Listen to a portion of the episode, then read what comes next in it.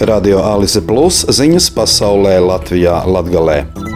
Turcijas parlaments vakar ratificēja Somijas pieteikumu par dalību NATO, likvidējot pēdējo šķērsli šīs Ziemeļvalsts uzņemšanai Ziemeļatlantijas militārajā aliansē. Visi 276 klātesošie Turcijas parlamenta deputāti nobalsoja par Somijas pieteikumu trīs dienas pēc tam, kad par to bija nobalsojis arī Ungārijas parlaments. Somija un Zviedrija satrauktas par Krievijas pilna apjoma iebrukumu Ukrainā pērn atteicās no desmitiem gadu ievērotās neutralitātes politikas un iesniedza NATO pieteikumu par uzņemšanu aliansē. Polija ir vienīgā valsts, kas atklāti iebilst pret Eiropas Savienības plāniem līdz 2035. gadam atteikties no jaunām automašīnām ar benzīna vai dīzeļdegvielas iekšdedzes dzinējiem. Un premjerministrs Mateušs Moraveckis paziņoja, ka darīšot visu, lai novērstu tādas normas stāšanos spēkā. Moraveckis raksta Twitterī, ka darīs visu, lai pasargātu poļu ģimenes no kārtējās pseido zaļās idejas, ko izdomājušas bagātās valstis un Briseles birokrāti.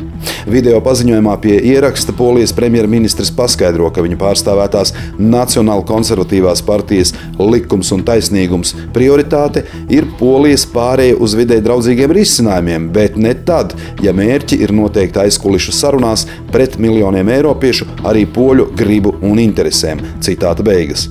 Polijas valdība lēš, ka iekšdedzes dzinēju aizliegums negatīvi ietekmēs Polijas ģimeņu budžetu, liedzot miljoniem cilvēku atbilstoši izmantot transportu un kaitēs arī valsts rūpniecības sektoram, kurš ražo detaļas daudziem no pasaulē pazīstamākajiem automobīļu zīmoliem. Eiropas Savienības dalību valstu ministri otrdien apstiprināja vienošanos no 2035. gada aizliegt ar iekšdedzes dzinējiem darbināmu jaunu automobīļu pārdošanu, izņemot tās mašīnas, kuru dzinējus darbinās klimata neitrāla degviela. Pret balsoja Polija, atturējās Itālija, Rumānija un Bulgārija. Tomēr lēmums tika pieņemts, jo tam bija vajadzīgi 65% jeb 15 dalību valstu piekrišana. Krievija no sestdienas uz mēnesi rotācijas kārtībā kļūs par ANO drošības padomes prezidējošo valsti. Amerikas Savienoto Valstu vēstniece ANO Linda Tomasa Greenfield intervijā ziņu aģentūrai AFP šajā sakarā izteicās, Krievija ir drošības padomes pastāvīgā locekle, Tā nevajadzētu būt, ņemot vērā, ko tā dara Ukrajinā. Tomēr apvienoto nāciju organizācijas harta nepieļauj izmaiņas pastāvīgo dalību valstu sastāvā. Citāta beigas. Apvienoto nāciju organizācijas drošības padomes piecām pastāvīgajām dalību valstīm - Ķīnai, Amerikas Savienotajām valstīm, Francijai, Lielbritānijai un Krievijai - ir tiesības uzlikt veto apvienoto nāciju organizācijas rezolūcijām.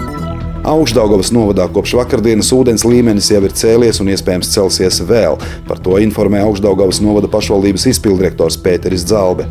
Latvijas vides, geoloģijas un meteoroloģijas centrs prognozējot, ka tuvākās piecas dienas ūdens vēl nāks klāt un līdz pusmetram vēl līmenis var celties. Un tad iespējams būs jāevakuē cilvēki no zemākajām apdzīvotajām vietām, kuras pašlaik vēl nav aplūdušas, tāpēc valsts ugunsdzēsības un glābšanas dienests pārvieto laivas no Rēzeknes uz. Daugopili.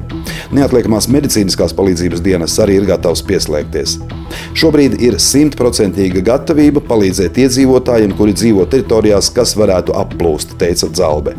Upju ūdens līmeņa straujās paaugstināšanās dēļ Augstdaugavas novada pašvaldības domas sēdē vakar pieņemts lēmums prasīt ministru kabinetam izsludināt ārkārtējo situāciju novada Bebrenes, Dvietes, Kalkūnes, Līksnas, Nīcgalis, Pilskalnis, Sventes un Tabores pagastos, bet šodien situācija ir pasliktinājusies un ir teritorijas, kas aplūdušas arī jau 9. pagastā.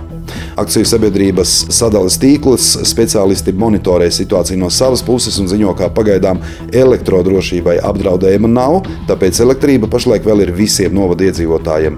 Uzņēmumā solīts iepriekš brīdināt pirms kādu īpašumu drošības apsvērumu dēļ no elektrotīkla slēgs nost. Ziņu apskatu pasaulē Latvijā Latgalē veidoja Radio Alise Plus informācijas un ziņu dienests ar Sabiedrības integrācijas fonda atbalstu. Radio Alise Plus studijā bija Juris Saukāns.